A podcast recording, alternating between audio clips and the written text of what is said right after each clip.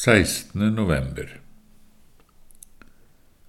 Skriftstedet er Romerbrevets fjerde kapittel og det 25. vers, som lyder slik. Han som ble gitt for våre synder, og som ble oppreist til vår rettferdiggjørelse. Rosenius skriver. Dette skriftstedet har Luther kalt knippet som sammenfatter hele den kristne troen. Derfor satte han også dette skriftstedet som overskrift over de smalkaldiske artiklene, og la det til grunn for den første og viktigste artikkelen som ingen kristen kan vike fra eller slå av på om så himmel og jord og alt annet styrtet sammen. Dette skriftstedet har apostelen formulert i stor dypsindighet. Derfor krever det også av oss en dyp utleggelse. Som allerede sagt inneholder dette i en sum de store grunnsannhetene i Kristi forsoningsverk og spesielt formuleringen her er det all grunn til å fordype seg i. Apostelen sier at Kristus ble gitt for våre synder og oppreist til vår rettferdiggjørelse. Når han setter opp mot hverandre gitt og oppreist, så skjønner vi med ordet gitt at det menes overgitt til døden.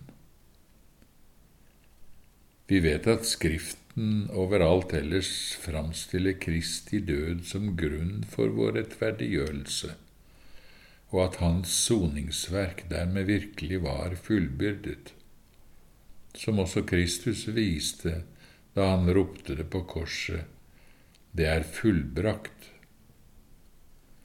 Men da er det jo litt merkelig som vi må studere nærmere, hva apostelen her kan mene når han sier at Kristus ble gitt for våre synder og oppreist til vår rettferdiggjørelse. Meningen er uten tvil denne. I sin død bar Kristus på synden. All verdens synd var lagt på ham, som han betalte med sitt liv. I sin oppstandelse var han som vår stedfortreder rettferdiggjort og førte fram en evig rettferdighet og et evig liv. I sin død ble han gjort til synd for oss.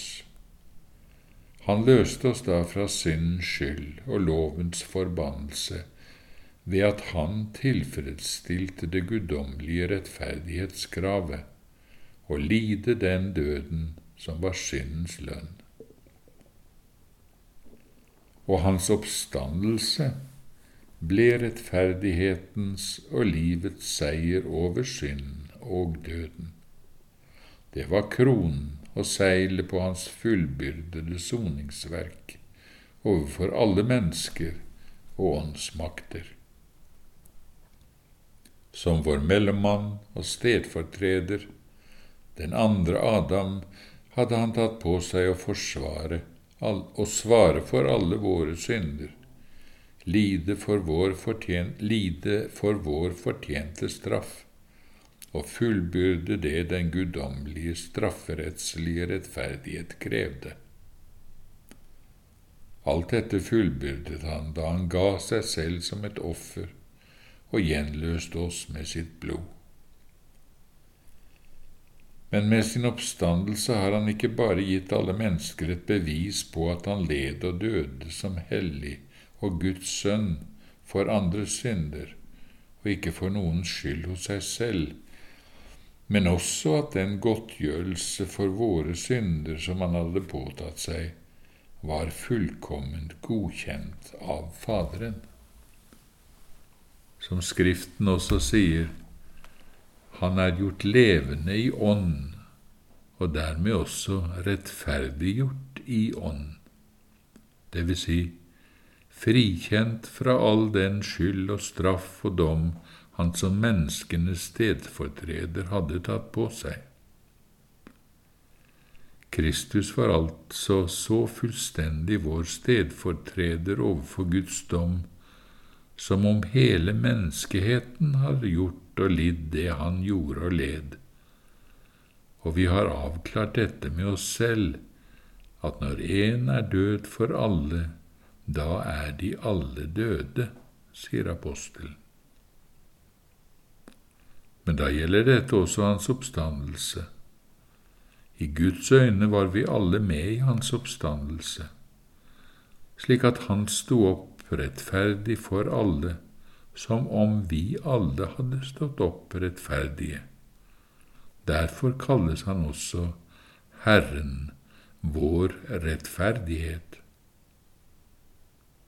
Og derfor er også Kristi oppstandelse den egentlige grunnen for vår rettferdiggjørelse.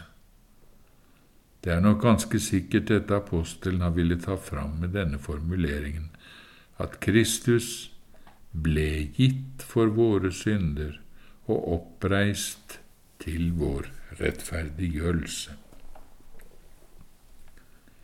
Men ved sin oppstandelse har Kristus også trådt inn i, evige, i det evige presteembedet, der han bestandig er for Guds åsyn for vår skyld. Han er der i vårt sted, den rettferdige for de urettferdige. Vi har en slik ypperste prest som satte seg ved høyre side av majestetens trone i himmelen, og som gjør prestetjeneste i helligdommen og i det sanne tabernaklet.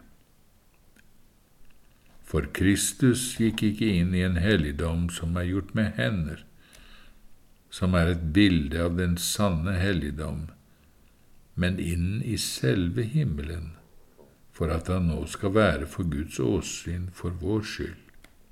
Merk dette at han nå skal være for Guds åsyn for vår skyld. Dette er i sannhet vår fullkomne rettferdighet overfor Gud. Og hva hører vi her? Er Kristus virkelig for Guds åsyn for oss? Er dette sant? Da har vi nok større verdi i Guds øyne enn vi selv hadde tenkt.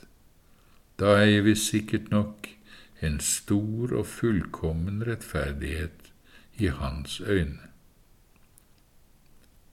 At Kristus alltid er i vårt sted framfor Faderen og utfører sin ypperste prestlige gudstjeneste for oss, det er, gjentar vi ennå en gang, i sannhet vår fullkomne rettferdighet. Slik framgår det klart at vår rettferdiggjørelse på alle måter har sin grunn i Kristi oppstandelse.